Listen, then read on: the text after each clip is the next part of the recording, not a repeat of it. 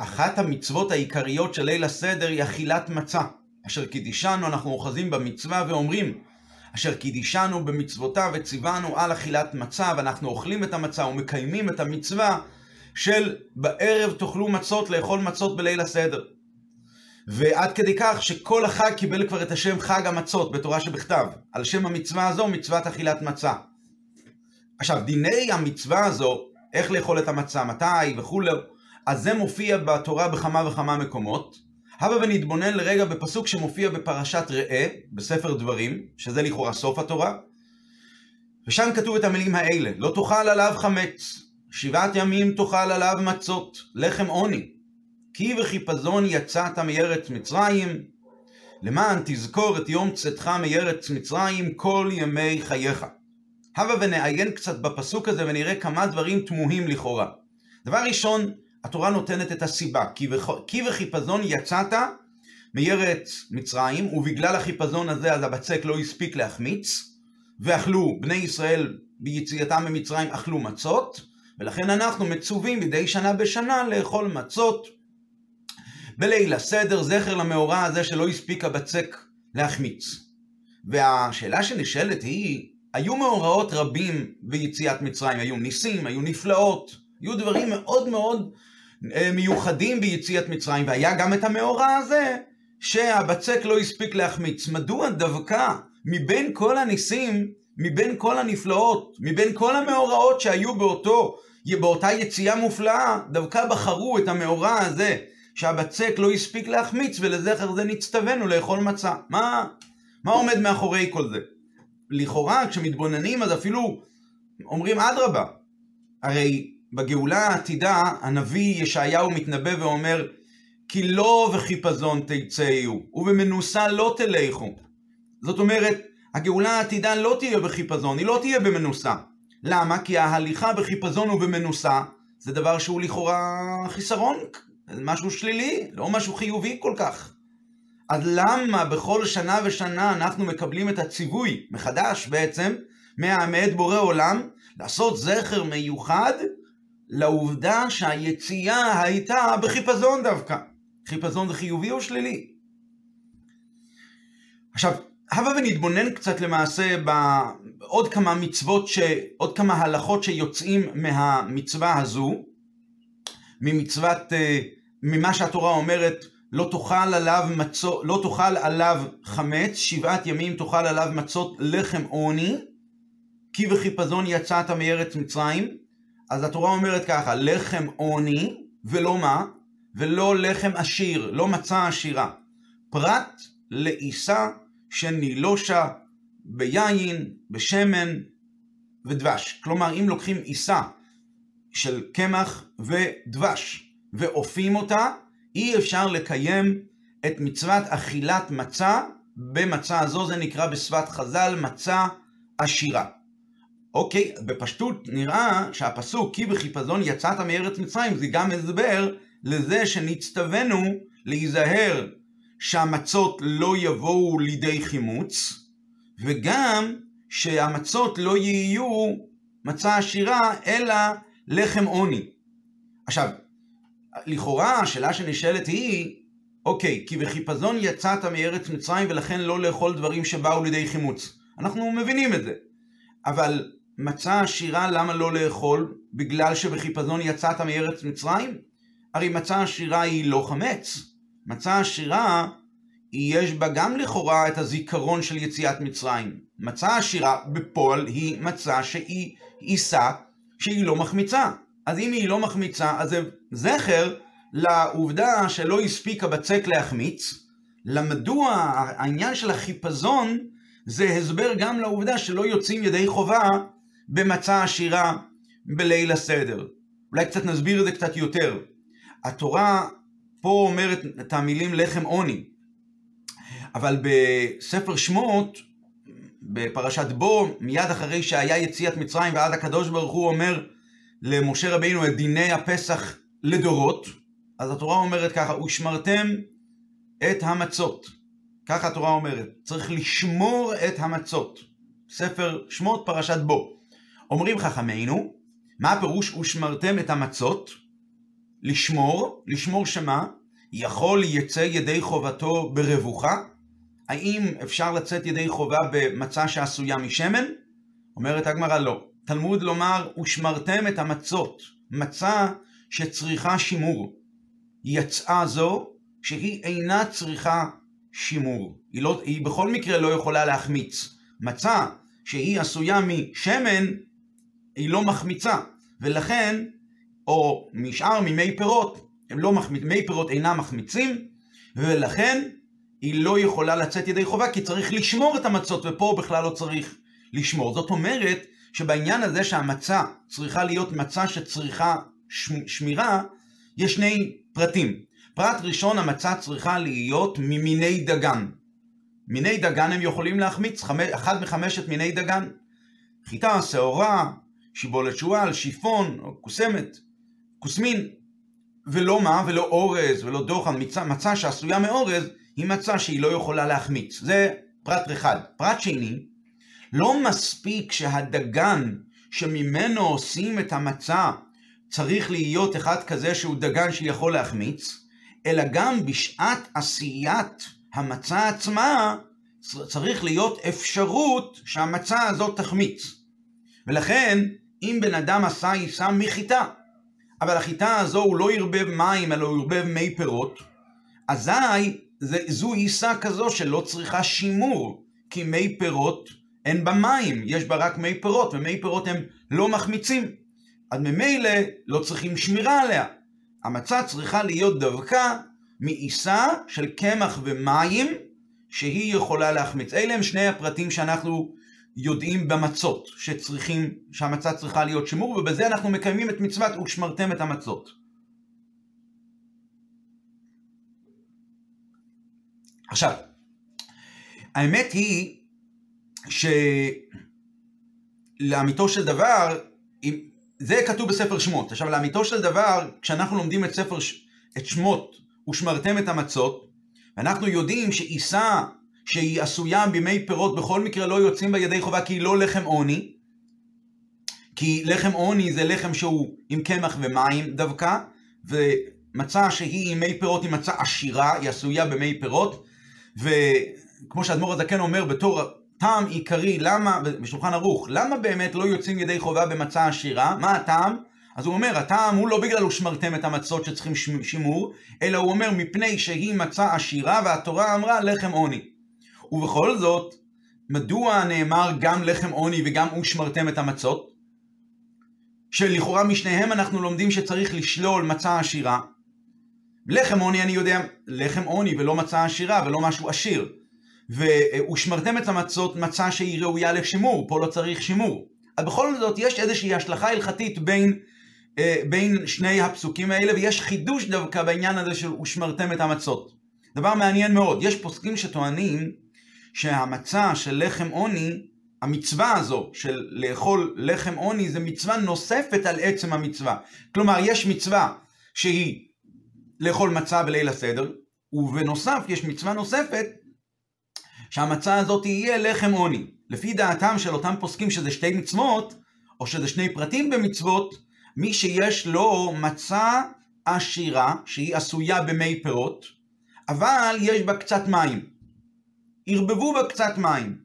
הרי כעת היא יכולה לבוא לידי חימוץ, ואז חל עליה הדין של ושמרתם את המצות. כי היא יכולה לבוא לידי חימוץ, יתרה מזו, היא יכולה, היא עוד יותר תחמיץ. מי פירות פלוס מים ועיסה של קמח יחמיץ הרי עוד יותר, צריך עוד ולכן צריך שמירה מעולה עוד יותר. עכשיו, האם הוא יוצא בזה ידי חובה? מצד אחד, בשורה התחתונה זו מצה עשירה. מצד שני זו מצה של ושמרתם את המצות, המצה הזו שמרו עליה שהיא לא תחמיץ, כי ערבבו במים. האם יוצא בה ידי חובה? אז לפי דעתם, מי שיש לו אה, בליל הסדר רק כזאת מצה, שיאכל אותה, ויקיים את עצם המצווה של אכילת מצה, הוא אמנם יפספס, הוא יפסיד את המצווה של לחם עוני, אבל הוא יקיים את המצווה של ושמרתם את המצות. עכשיו, לכאורה, ועכשיו, יש כאלה שפוסקים שטוענים שלא יוצאים בכלל ידי חובה במצה עשירה, יהיה מה שיהיה. אבל כל הפסיקה הזו שלא יוצאים במצה עשירה ידי חובה זה רק בפסח לדורות. אבל בפסח מצרים, הרי כל הדין של לחם עוני נאמר בפרשת ראה. פרשת ראה זה בסוף התורה, שזה נאמר בדברי משה רבינו לפני לבני ישראל, ספר דברים. אבל, אז אם כן, מצוות, מצוות לחם עוני לא הייתה לבני ישראל בארץ מצרים, והרי בני ישראל בארץ מצרים עוד לפני יציאת מצרים נצטוו לאכול מצות. ואם כן, בפרשת בו, כאשר מדובר על המצווה של ושמרתם את המצות, משמע שבארץ מצרים יכולים היו לצאת ידי חובה ש... במצה עשירה. כלומר, צריכים לוודא שיש את המצווה של ושמרתם את המצות. צריכים לקחת עקרונית, ביצ... ביציאת מצרים היה, היה אפשר לקחת, בפסח מצרים היה אפשר לקחת קמח ומי פירות ולערבב אותם יחד, ואז זאת תהיה מצה עשירה, אבל מוכרחים לשים קצת מים כדי לקיים את מצוות ושמרתם את המצות, ולכאורה אפשר לאכול מצה עשירה בליל, בליל הסדר במצרים. כי המצווה של לחם עוני עדיין לא נאמרה. אז הבה באמת נדון בכל העניין הזה בצורה עמוקה יותר, בצורה פנימית יותר, ונראה את כל הפרטים. אז נחזור עוד פעם לפסוק ש... שהוא המקור שלנו. לא תאכל עליו חמץ שבעת ימים תאכל עליו מצות, לחם עוני, כי וחיפזון יצאת מארץ מצרים. מאיפה באמת יודעים שלא אוכלים דברים שהם לא באים לידי חימוץ? מהפסוק הזה. כתוב, לא תאכל עליו חמץ, שבעת ימים תאכל עליו מצות. אז חז"ל טוענים, דברים הבאים לידי חימוץ, אדם יוצא בהם ידי חובתו בפסח, באכילת מצה. זאת אומרת, יש תנאי שמעכב את מצוות אכילת מצה, והיא שהמצה תהיה דווקא מדברים שהם, יש בהם את האפשרות להחמיץ. וכאן השאלה נשאלת היא, אוקיי, מה הסיבה? למה באמת צריכים שהדברים האלה יהיו דברים שעשויים להחמיץ? כי וחיפזון יצאת מארץ מצרים. בעת יציאת מצרים הבצק לא הספיק להחמיץ, ומצד המהירות הבצק נעשה למצה, לכן, לזכר לחיפזון הזה, לזכר למהירות הזו, אנחנו אוכלים מצות שנעשו מדברים שהיה את האפשריות להחמיץ, ורק על ידי שהיא נאפתה, המצה הזו נאפתה במהירות רבה, וקיימנו את מצוות ושמרתם את המצות, המצות הן לא מספיקות להחמיץ, וזה אני מבין, ואנחנו מבינים היטב, כי בחיפזון יצאת מארץ מצרים. לעומת זאת, דברים שהם לא עשויים להחמיץ בכלל, כמו דברים שהם לא ממיני דגן, אז גם אם הם לא מחמיצים, אני מבין, אבל מכיוון, מכיוון אפילו שבפועל הם לא מחמיצים, אבל באכילה שלהם אין את הזכר למאורע הזה של לא הספיק הבצק להחמיץ, כי לא צריכים לשמור עליהם שיחמיצו, שלא יחמיצו, כי הם בכל מקרה לא מחמיצים ולכן לא יוצאים בהם ידי חובה, זה אפשר להבין. אבל מזה, כאמור מקודם, מזה שהפסוק אומר, לא תאכל עליו חמץ, שבעת ימים תאכל עליו מצות לחם עוני, ואז התורה נותנת טעם אחד לשני הדינים הללו, כי וחיפזון יצאת מארץ מצרים, זאת אומרת שכי וחיפזון יצאת מארץ מצרים זה הסבר למה לא לאכול מצה עשירה, והשאלה שנשאלת היא כאמור, לכאורה, נכון, עיסה שנילושה במי פירות לבד לא באה לידי חימוץ, אבל אם נערבב בה קצת מים, אז היא תמהר להחמיץ, ותמהר להחמיץ אפילו עוד יותר מאשר עיסה של קמח ומים בלבד. כך כתוב בהלכה. אז העיסה הזו, אפילו שהיא בפועל באה לידי חימוץ, בפועל אנחנו יודעים שלא יוצאים בה ידי חובה. התורה אמרה לחם עוני. לחם, ואולי בארץ מצרים כן היו יכולים לצאת ידי חובה. אבל לעתיד, בפסח דורות, לא יוצאים בה ידי חובה, ומה הסיבה? כי בחיפזון יצאת מארץ מצרים. הפסול של המצה העשירה שצר... ולכן צריך להיות דווקא לחם עוני, הוא אותו פסול של דברים שהם באים לידי, שהם באים, שהם יכולים לבוא לידי חימוץ, ולכאורה זה שני דברים שונים לגמרי. איך אפשר לומר טעם אחד לאותו, לאותו עניין? כי בחיפזון יצאת מארץ מצרים זה הסבר טוב לדברים העשויים להחמיץ, אבל זה לא הסבר טוב לכאורה ללחם עוני, לחם עוני זה הסבר אחר. אדרבה, ניקח לחם עוני, ניקח מצה עשירה, נערבב בה קצת מים, יכול לבוא לידי חימוץ, למה לא יוצאים בה ידי חובה? כי זה לחם עוני, נו מה הסיבה? למה לחם עוני לא יכולים לצאת, למה מצה עשירה לא יכולים לצאת ידי חובה? נערבב בה קצת מים ונצא ידי חובה. בפועל התורה אומרת לא, כי בחיפזון יצאת מארץ מצרים.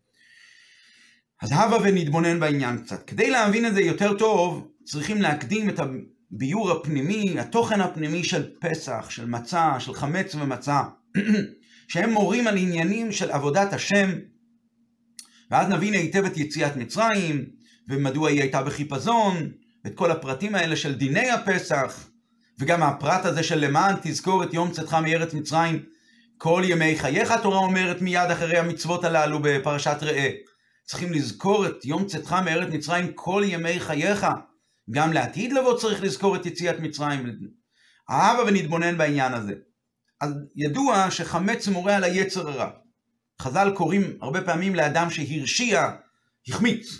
או חז"ל אומרים את הביטוי שאור שבעיסה כביטוי על היצר, שהוא גורם לבן אדם להיות מחמיץ, להחמיץ, לצאת, לעשות דברים רעים. עכשיו, מהי המצה? מצה היא נעשית מעיסה כזו שהיא יכולה להחמיץ, אבל היא לא באה לידי חימוץ, היא מבטאת על ביטול היצר הרע, לשלול את האפשרות להחמיץ, לתת לבן אדם את האפשרות, לא לתת לבן אדם את האפשרות להגיע לידי חימוץ. זאת אומרת, חמץ זה הרצון שיש באדם להרשיע, לעשות נגד רצון השם, תאוות גשמיות, חומריות, אפילו חלילה דברים אסורים, וכל הדברים האלה, כל התאוות האלה, כולם באים מהיצר, ואילו המצה, זה מדבר, זה מבטא את המלחמה נגד התאוות האלה ונגד הרצונות האלה ולבטל אותם. והאדם אז יוכל באמת ללכת בדרכי השם ולקיים את המצוות, ולא ללכת אחרי שרירות ליבו. עכשיו, בדרכי עבודת היצר, בדרכי עבודת השם ולהילחם ביצר, יש למעשה שני שלבים. שלב ראשון, זה כשהאדם מתאווה באמת בפועל וחומד לעבור על רצון השם, אז הדרך הראשונה היא להתגבר על התאוות שלו ועל הרצונות שלו, על ידי מה? על ידי שהוא כופה את עצמו לא למלות את התאווה הזאת בפועל ממש. גם אם הלב שלו באמת בוער בפועל כמו אש להבה, ויש לו רצון מאוד חזק למלא את התאווה של הלב, הוא אומר לעצמו לא, והוא שולט ברוחו, וכופה את עצמו, ומתגבר, ומתאפק, ולא נותן ליצר לממש לידי פועל את התאווה. ואז הוא מקיים רק את רצון השם, ו... והולך בדרכי השם. זה שלב ראשון. שלב שני, אחרי שהוא כבר התגבר וכבש את uh, כל רצונותיו, עכשיו מוטלת עליו עבודה אחרת, לעבוד קשה, והעבודה הזו היא להד... לא רק שהוא לא, י... לעבוד על עצמו שהוא לא ירצה בכלל בפועל בתאוות הרעים האלה, זה נקרא עבודה של להפוך את הלב ולהפוך את החמדה שהייתה בליבו ותמורת החמדה הזו לתאוות גשמיות, לקחת את החמדה הזו והתאווה הזאת ולהפוך אותה לרצונות חזקים חזקים של דבקות בבורא עולם. וזו עבודה קשה מאוד. זה קורה על ידי שבן אדם מעמיק את דעתו בגדולת השם, והוא מתבונן במעלת קיום מצוות השם. כל זה גורם לו שבכוח זה הוא יכול לפעול על עצמו שהלב שלו משתנה, המוח שלו משתנה, המשיכה לענייני עולם הזה משתנה, ובמקום המשיכה הזו יש לו כעת משיכה לקרבת השם, לרצונותיו ולדבקות מהשם, כמו שנאמר בתהילים, קרבת אלוקים לי טוב. אבל כמובן שאי אפשר להתחיל בעבודת השינוי הזו של המוח, אלא רק אחרי שהבן אדם יתגבר על עצמו והראה שיש לו את היכולת לעצור ולכבוש את אהבת היצר הבוער. רק אז הוא יכול לגשת לעבודה הנעלית של הפיכת ושינוי התאוות לעבודת השם. כל עוד יש לו לב בוער לעבודת, לתאוות, הוא לא יכול לשנות. בעת שהלב בוער מאוד מאוד חזק בתאווה, מה, מה עליו מוטל? מוטל עליו לברוח מהתאווה הזו במהירות הכי אפשרית, לכבוש אותה, ולא לתת לה לידי מימוש. אחרי זה הוא יוכל, אחרי, יש לו את האפשרות לתקן את עצמו ולהעלות את עצמו וכולו. בשלב, ה, בשפת הקבלה והחסידות זה נקרא בשם, שני השלבים האלה נקראים בשם התהפכה, התקפיה והתהפכה. השלב הראשון נקרא התקפיה, שהבן אדם כופה את עצמו, לא למלא את אהבותיו בפועל. השלב הבא הוא שלב ההתהפכה, שבו הבן אדם הופך את הלב שלו שהוא רוצה רק בענייני קדושה ורק לקיים את רצון השם. עכשיו, יש כמה וכמה חילוקים בין שלבי העבודה של האיתקפיה והאיתהפכה. בשעה שהבן אדם אוכל באיתקפיה, אז מצד הטבע שלו הוא יכול לעבור עבירה. ואם הוא לא יעסוק בכפיית היצר, אז ייתכן שהוא אפילו ייפול בעבירה. לעומת זאת, כש, כשבן אדם נמצא כבר בשלב ההתהפכה, שהוא כבר השלים את המהפך במוח ובלב ופעל בהם, שהרצון שלהם הוא נטו רצון לרצון השם ולדבקות בהשם, אז הוא לא שייך לעבור עבירה. כי כל הרצון שלו הוא רק מה רוצה השם. אז אין לו בכלל תאווה למשהו נגד רצון השם. יש לו, יש לו עבודה בשל, בעבודות גבוהות יותר, של צדיקים וכולו וכולו, אבל בגדול אין לו, אין לו כבר משיכה לרע. זה חילוק אחד. חילוק נוסף בין התקפיה להתהפכה, כאשר בן אדם עדיין בשלב ההתקפיה, אז העבודה שלו בפועל, מה המניע שלו בעבודת השם? קבלת עול, ביטול להשם. באותה שעה הרי הוא לא מבין בשכל שלו את המעלה הגדולה של להיות דבוק בהשם. הוא לא מבין את המעלה הגדולה וההתרגשות הגדולה מקיום מצוות השם. אדרבה, הרצון שלו והתאוות שלו הם לעניינים גשמיים.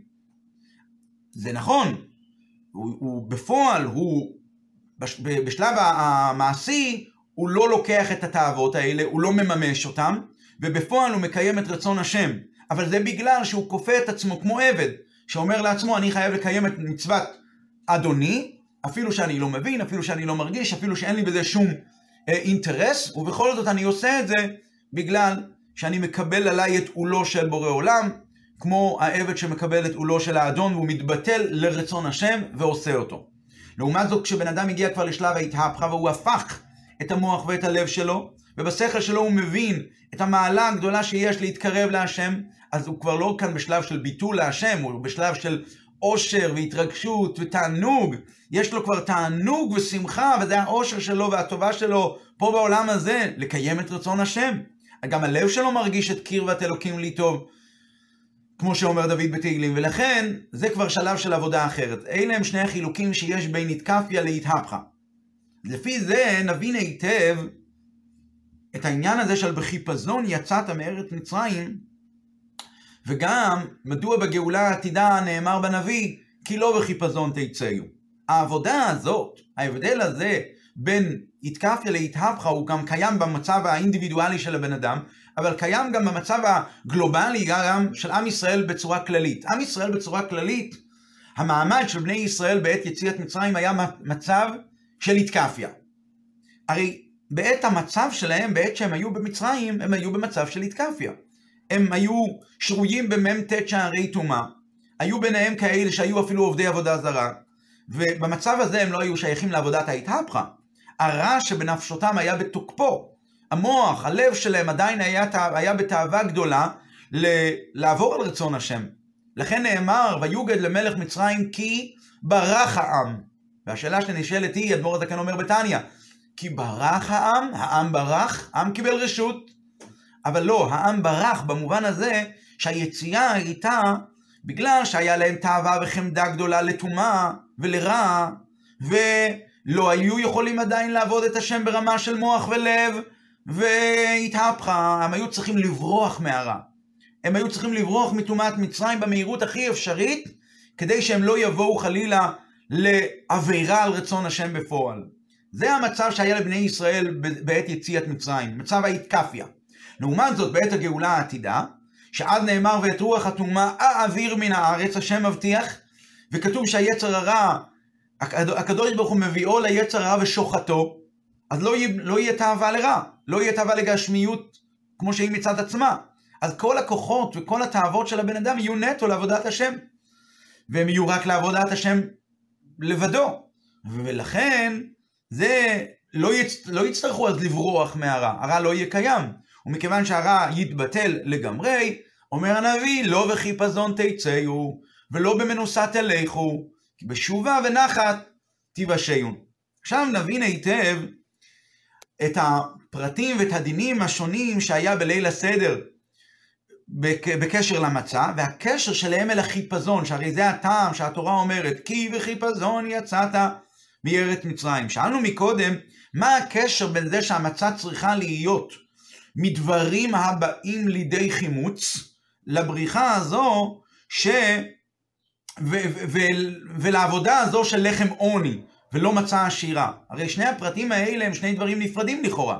והתורה אומרת, כי וחיפזון יצאת מארץ מצרים, ולכן לא דברים הבאים לידי חימוץ, ולכן לא לחם, לא מצה עשירה. עכשיו, לפי זה נבין היטב. החיפזון הוא מורה על הבריחה שהיה מהרע. כמו שאמרנו שהבריחה הייתה בגלל שהיה מדובר במצב שבני ישראל היה להם עדיין רע, והרע עדיין היה בתוקפו, והבן אדם המת... היה לו תאווה חזקה לעבור על עבודת השם, לעבור על רצון השם. והיה לו, לו חובה לברוח מהמצב הזה, כי בחיפזון יצאת. אז במצב הזה הוא יכול לבוא לידי חימוץ. כשהוא מצב במזה שהוא יכול לבוא לידי חימוץ, אז הוא צריך לברוח, הוא צריך לגרום שהיצר לא יחמיץ. אז הוא כופה את עצמו, והוא פועל על עצמו שהוא לא יחמיץ לידי פועל ולא ימלא את תאוות ליבו בפועל. ולכן בליל הסדר, כאשר אנחנו מזכירים את היציאה ממצרים, שהיא הייתה בצורה הזו של החיפזון, אז אנחנו מקבלים ציווי.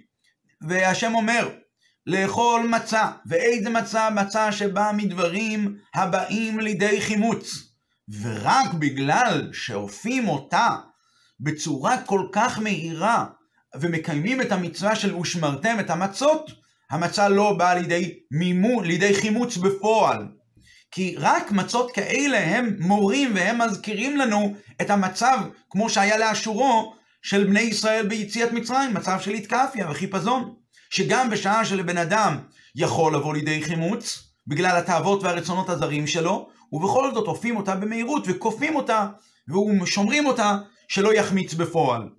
אבל מצות כאלה שהם נעשו מדברים שהם לא ראויים, לא, עשו, לא באים לידי חימוץ בכלל, אז הם לא, לא מורים על עבודת ההתקפיה. הרי זה שהם לא מחמיצים, זה בגלל, זה לא בגלל שהבן אדם פעל ועשה את זה, לא בגלל שהבן אדם מיהר במהירות רבה ופעל על עצמו התקפיה, ולכן הם לא באו לידי חימוץ. הם לא יכולים לבוא לידי חימוץ מעיקרא. לכן נבין למה אי אפשר. הרי כשבן אדם אוחז בעבודת ההתקפיה, אז כאמור לעיל, ההתקפיה, בעת ההתקפיה הוא עושה את העבודה שלו מתוך קבלת עול. אין לו, אין לו תענוג, אין לו חשק. הוא לא מבין את הטעם, למה הוא עושה את זה, הוא לא רוצה בכלל לעבוד את השם. אז העבודה שלו היא בדרך עבודת עבד, מתוך קבלת עול, מתוך ביטול. אז רק בעבודה, מתי יש איתה, מתי יש תענוג? מתי יש אושר בעבודה? רק בדרגת ההתהפכה. אז לבן אדם יש לו טעם ויש לו עונג. לכן בלילה הזה, שצריכים לעשות זכר לחיפזון, אז המצה צריכה להיות לחם עוני, ללא שום טעם, ללא מי פירות. שזה מורה על עבודת השם מתוך קבלת על עול וביטול, גם כאשר אין לו את הרצון ואין לו את השאיפה לעשות את רצון השם, ובכל זאת, למרות שהלב שלו לא מתענג מהעבודה הזאת, הוא עושה אותה בפועל. אז לפי זה יוצא שהטעם, הסיבה, שהשם אומר שאנחנו מצטווים שהמצה הזאת תהיה, שבעת ימים תאכל עליו מצות, לחם עוני, זה אותו טעם למה המצה צריכה להיות לא תאכל עליו חמץ, שבעת ימים תאכל עליו מצות, כלומר דברים שבאים לידי חימות. כי בלילה הזה צריכים להראות שגם בשעה שהלב עדיין, המוח עדיין לא בדיוק, בדברים העשויים להחמיץ, הוא יכול להגיע לידי חימוץ, יש תאווה שלילית, ואין לו רצון לקיום רצון השם, אין לו אה, תענוג בזה, אין לו עשירות בזה, ובכל זאת הוא עושה את זה בפועל, ובורח מהרע, ולא נותן למצה להחמיץ. אלא שלפי זה מתעוררת שאלה אחרת. טוב, באמת הבנו את הפרטים השונים כי בחיפזון יצאת מארץ מצרים זה טעם על שני הדברים האלה. אבל עדיין לא מבינים. הרי מה, מה בעצם הסברנו? שהחיפזון מורה על מצב שהטומאה והרע הם נמצאים בתוקף גדול, והבן אדם צריך לברוח מזה ולכפות על עצמו שלא יבוא לידי, אה, אה, לידי נפילה בפועל. אז לכאורה, בסדר. זה, מעל, זה, זה עבודה גדולה מאוד, שבן אדם עושה התקפיה, אבל זה לא מגיע לעבודת ההתהפכה, שבן אדם, בעת ההתהפכה בן אדם לא מתהווה בכלל לדברים רעים, והמוח והלב שלו נמשכים לעבודת השם, הוא שמח ושש בעבודתו יתברך, יש לו תענוג גדול בזה. אז למה בני ישראל עושים זכר וזיכרון לעניין של החיפזון? שמס... מדוע אנחנו עושים זכר לחיסרון שהיה לבני ישראל, שהרע עדיין היה בתוקפו? וגם צריך להבין דבר נוסף, התורה אומרת למען תזכור את יום צאתך מארץ מצרים, בהמשך הפסוקים האלה, למען תזכור את יום צאתך מארץ מצרים כל ימי חייך, ואומרים חז"ל מה זה כל ימי חייך? להביא לימות המשיח. שגם בימות המשיח יזכירו את יציאת מצרים. בן זומד הרש, למען תזכור את יום צאתך מארץ מצרים, כל ימי חייך להביא הלילות. חכמים אומרים, כל ימי חייך להביא לימות המשיח, שגם בימות המשיח יזכירו את יציאת מצרים. השאלה שנשאלת היא, איזה מקום יש להזכיר את יציאת מצרים ואת הגאולה העתידה? הרי בימות המשיח לא יהיה רע, בני ישראל יגיעו לתכלית השלמות של העבודה שלהם, לא יתהוו בכלל לרע, יעבדו, יעבדו את השם עם כל הלב, עם כל הנשמה ועם כל התענוג. אז כשהם נמצאים בכזאת דרגה גבוהה, צריך להזכיר את יציאת מצרים, מצב שבו בני ישראל, הרע היה בתוקפו והיו צריכים לברוח ממנו. אז כדי להבין את זה, אנחנו צריכים להקדים ולומר שלמרות שבפשטות נראה שיש דווקא מעלה בהתהפכה, על עבודת ההתקפיה, בכל זאת צריך לומר שלא. יש מעלה דווקא בעבודת ההתקפיה, שאין בעבודת ההתהפכה. כאשר בן אדם אוחז כבר בעבודת ההתהפכה, הלב שלו כבר הפך לגמרי לתאווה רק לרצון השם, יש לו שמחה ועונג בזה, בן אדם בשלב הזה לא צריך להתייגע בעבודה שלו. יגיעה נדרשת כאשר קשה לבן אדם, כאשר כבד לו, שיש לו איזושהי קושי מסוים, אז הוא צריך יגיעה כדי לקיים באמת את הדבר בפועל. אבל כאשר אין לו שום קושי, אז העשייה באה לו בקלות. בעבודת ההתהפכה, אז היצר לא בוער, לא מתהווה לדברים חומריים, הלב שלו רוצה רק את עבודת השם, אז העבודה באה בקלות. בעומק יותר. כאשר המוח של הבן אדם לא מבין את הטעם למה לעשות את רצון השם, הלב שלו לא נמשך לעבודה הזו, ובכל זאת הוא כופה את עצמו ומוסר את עצמו לרצון השם לגמרי, אז הוא מתמסר לגמרי להשם, אז זה מראה זה וזה מבטא את האדנות של הקדוש ברוך הוא. שהוא בטל אל הקדוש ברוך הוא והשם הוא כאן הבעל הבית והוא עושה את רצון השם. אבל בשעה שהבן אדם הפך כבר את הלב שלו והפך כבר את השכל שלו והוא נמשך ורוצה רק את ענייני קדושה ואת עבודת השם אז אולי אולי ייתכן שזה שהוא מקיים את רצון השם זה לא בגלל השם אלא בגלל שהרצון שלו והשכל שלו מחייב. אז הוא עושה את זה כבר מצד עצמו. אז ברור שבמצב הזה הוא לא ייפול חס וחלילה, הוא לא יגיע למצב שהוא יעבור לרצון השם, כי כל הרצון שלו הוא נטו מה רוצה השם. אבל בכל זאת, מכיוון שהעבודה הזאת כבר נעשית מצד שכלו הוא, ומצד רצונותיו הוא, אז בעבודה הזאת אין את הביטוי של הבעל, על הבעלות של בורא עולם, אין את, אין את ביטוי לה בעבודה הזו לעול האדון שמוטל עליו. אז יוצא שדווקא החיסרון בעבודת ההתקפיה היא-היא המעלה שיש בעבודה הזאת של התקפיה על העבודה של התהפכה. הביטול של הקדוש ברוך הוא, של אל הקדוש ברוך הוא, ההתמסרות אל הקדוש ברוך הוא, שבאה מתוך יגיעה שלבן אדם יש לו באמת קשיים, והוא צריך להתייגע, ובפועל הוא מתגבר עליהם. לכן, הרי אנחנו, בל... וזוהי הסיבה שבליל הסדר אנחנו עושים זכר ליציאת מצרים מתוך חיפזון, ומדגישים שזה המצע הזו, שהמצע שהיא בין דברים שהם יכולים לבוא לידי חימוץ, כדי ללמד את גודל מעלת עבודת היגיעה בעבודת השם, גודל מעלת ההתקפיה בעבודת השם, שדווקא כשיש אפשרות שהוא, הבן אדם יבוא לידי חימוץ נפשי, והעבודה שלו להשם לא באה כל כך בקלות, והוא צריך יגיעה חזקה מאוד, ובכל זאת, הוא כופה את עצמו. אותו דבר גם בעניין הזה של לחם עוני, שזה מורה על עבודה בלי עונג, בלי תענוג, בלי טעם, אין כאן טעם. וזה מראה את גודל מעלת עבודת העבד והקבלת עול. כי בחיפזון יצאת מארץ מצרים, המוח והלב שלו לא רוצים בעבודת השם, ובכל זאת הוא עובד את השם בלי טעם. עכשיו, לפי זה נבין למה בפסח מצרים עקרונית כן היה אפשר לקיים את מצוות, הש... את, את חובת אכילת פסח מצרים, עוד לפני שנאמרה הציווי, נאמר הציווי לחם עוני, היה אפשר לקיים את החובה של מצה, של מצה במצה עשירה. היו לוקחים מצה, עקרונית, מצה עם מי פירות, מצה עשירה כבר, ומערבבים קצת מים. כי זה מורה על העבודה נעלית בקבלת עול, שמה? שגם עבודת הקבלת עול נעשית מתוך עונג. אז בעת, בעת שהיה יציאת, קצת לפני יציאת מצרים, יכלו לבטא את העניין הזה של העונג בעבודת השם. שהעונג, שלמרות שיש לו באמת עבודה של קבלת עול, ובכל זאת הוא עושה את זה מתוך עונג. ומכיוון שיש כאן למעשה סוג של אה, אה, התקללות בין יציאת מצרים והגאולה העתידה, כי כבר ביציאת מצרים כבר התחיל למעשה, הגאולה העתידה כבר התחילה להתנוצץ כבר ביציאת מצרים, אז לכן ביציאת מצרים עצמה אפשר כבר לקיים את המצווה הזו של אכילת מצה עם מצה עשירה, ו- אבל מדברים שבאים לידי חימוץ, לערבב קצת מים. כי זה מורה על עבודה נעלית. בקבלת עול עצמה יש שתי דרגות. יש דרגה כזו שעבודת הקבלת עול היא נעשית מתוך תענוג.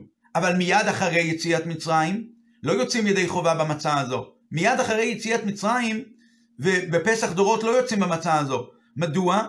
כי, כי כשבן אדם יצא כבר ממצרים, אז הוא כבר בביטול כל כך נעלה, הוא כביטול כמו העומד לפני המלך. וכשבן אדם עומד לפני המלך, אז הוא בתנועה כזו שהוא לא יכול לעשות שום תנועה.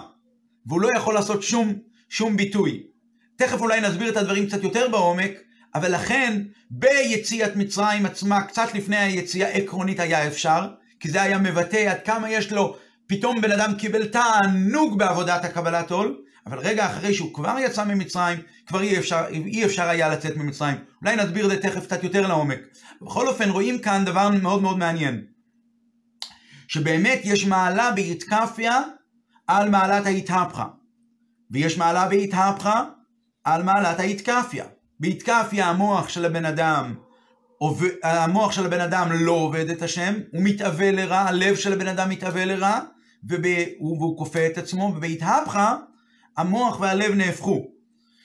אז יש מעלה בזה ויש מעלה בזה. מהי תכלית השלמות? שבאמת יהיו שתי המעלות. שגם כאשר הלב של הבן אדם והמוח של הבן אדם כבר מבוררים ומזוכחים, והם מתאווים רק לקיים את רצון השם, גם אז הוא עובד את השם לא מצד שככה השכל שלו מחייב, וככה הרצון שלו מחייב, אלא הוא עובד את השם מתוך ביטול ומתוך קבלת עול. לכן מזכיר עם יציאת מצרים גם בימות המשיח. כי גם כאשר ואת רוח הטומאה אעביר מן הארץ, ולא יהיה צורך בשום בריחה ובשום חיפזון מרע, כי לא יהיה בכלל רע, גם אז צריכים להיזכר, מזכיר עם יציאת מצרים, להיזכר בחיפזון הזה, כדי שעבודת השם הנעלית של ההתהפכה תהיה לא מצד הבנת האדם נטו, אלא מצד ביטול והתמסרות לקדוש ברוך הוא. ולכן באמת בפסח מצרים יכלו באמת לקיים את ה... את ה כאמור, יכלו עקרונית לקיים את מצוות, מצוות מצה עם מצה עשירה שמעובב במים. הנקודה הזו אולי באמת קצת צריכה יותר ביור. אדמו"ר הזה כן מסביר בספר תורה אור שבגאולת מצרים נאמר נאמר שתי עליות. אנוכי, אנוכי ירד עמך מצרים, ואנוכי אעלך גם עלו. זה נאמר כאן שתי עליות. גם, מה עם שתי העליות האלה? מסביר בעל התניא, אדמו"ר הזקן, שזה שתי עליות, גם העלייה של יציאת מצרים, וגם העלייה השנייה שתהיה בגאולה העתידה. אז, אז כמו, שבגאול, כמו שגאולת מצרים משפיעה על הגאולה העתידה, כך גם כמו שבגאולת מצרים משפיעה על הגאולה העתידה וגם היא תיזכר בגאולה העתידה, אותו דבר בגאולת מצרים, גאולת מצרים היא מושפעת ואיכשהו יש לה איזשהו רגש מההבטחה העתידית של הקדוש ברוך הוא על הגאולה העתידה. זאת אומרת, בעומק יותר, היכולת, האומץ להילחם ברע ולנצח את הרע, גם כאשר הרע הוא בתוקפו, והרי אפילו אחרי ששברנו אותו הוא עדיין בתוקפו ולכן הוא צריך לברוח, מה, מה המקור לזה? מה, מאיפה מגיע האומץ הזה? מאיפה מגיע הכוח לזה? מה הסיוע לעבודה הזו? העובדה שהעבודה הזו של ההתקפיה תביא בסופו של דבר לעבודת ההתהפכה. ולכן כבר עוד לפני גאולת מצרים, הקדוש ברוך הוא מבטיח ואומר, הבטחה, אנוכי אהלך גם עלו. גם הגאולה העתידה כבר איכשהו קיבלה את הכוח מיציאת מצרים, וגם יציאת מצרים תהיה זה, וזה לא רק להזכיר מה יהיה בעתיד, אלא זה נתינת כוח ליישם בעבודת השם כבר בהווה, שכבר בתחילת העבודה יהיה לו מעין הגאולה העתידה. וזה, כמו שאמרנו מקודם, שבגאולה העתידה, שהגאולה העתידה שנמצאת כבר בפנימיות בתוך גאולת מצרים, היא לא העבודה של השכל והמידות מצד עצמם, אבל יש כאן איזשהו קב, קבלת עול מתוך תענוג, יש לו כבר, הוא יודע, זה בסוף יביא אותי לרגש מלא של עבודת השם, אז זה עצמו שהוא יודע שיהיה לו רגש בעבודת השם, זה עצמו נותן לו את הכוח באמת לעבוד את השם מתוך, מתוך אה, עושר, מתוך קבלת עול של עושר, ולכן ביציע, בעת, בעת שאנחנו יצאנו ממצרים, קצת לפני היציאה ממצרים, כשבני ישראל היו במצרים עוד לפני הגאולה, אבל כבר הם קיבלו את ההבטחה, והם כבר אוטוט יוצאים ממצרים, הם היו יכולים לאכול לחם עוני, אבל לחם עוני כזה, שהוא עקרונית יכול להגיע לידי חימוץ, אם נערבב בו קצת מים, וזה יהיה בעצם מצה עשירה. אבל אחרי שהם כבר יצאו בפועל, אחרי שהם יצאו בפועל, אז הם כבר הפכו להיות לעבדי השם. הם כבר לא עבדי פרעה יותר, הם בדרגה של, יש קבלת עול, ויש קבלת, ויש קבלת, אה, אה, או יש קבלת עול מלכות שמיים, שהיא באה לפני קבלת העול לקיים את מצוותיו, יש קבלת עול מצוות. ברגע שבן אדם כבר יצא ממצרים, אז הוא כבר עומד מול בורא עולם. הוא עומד מול בורא עולם, הוא כבר מקבל את עול מצוותיו. מה אומר לי הקדוש ברוך הוא בפועל? אז כאן לא צריכה להיות שום מציאות של הבן אדם, ולכן אחרי שהוא יצא ממצרים, הוא לא מערבב את הטעם ואת העונג שלו, הוא נטו בטל לבורא עולם ורוצה לדעת מה השם רוצה. ו... וזה נעשה דווקא, ולכן יוצאים ידי חובה בפועל, אחרי יציאת מצרים, רגע אחרי, יוצאים, ב... ב... יוצאים ידי חובה של מצה, דווקא במצה שהיא לחם עוני בלבד, ללא שום עשירות, ביטול מוחלט, התבטלות מוחלטת, כשבן אדם עומד מול הקדוש ברוך הוא, אז כמו שנאמר בחז"ל, מאן דמחווי קמי מלכה, מי שעומד ומצביע באיזשהו רמז, כאשר הוא עומד מול המלך, אז העונש שלו הוא היפך החיים, ולמה? אסור לערבב בן אדם את המציאות שלו, הוא נטו עומד מול בורא עולם. שיהיה לנו חג הפסח כשר ושמח. וחירות אמיתית מכל הדברים המבלבלים את עבודת השם, כולל יצר הרע, השאור שבעיסה, ונצא מעבדות לחירות.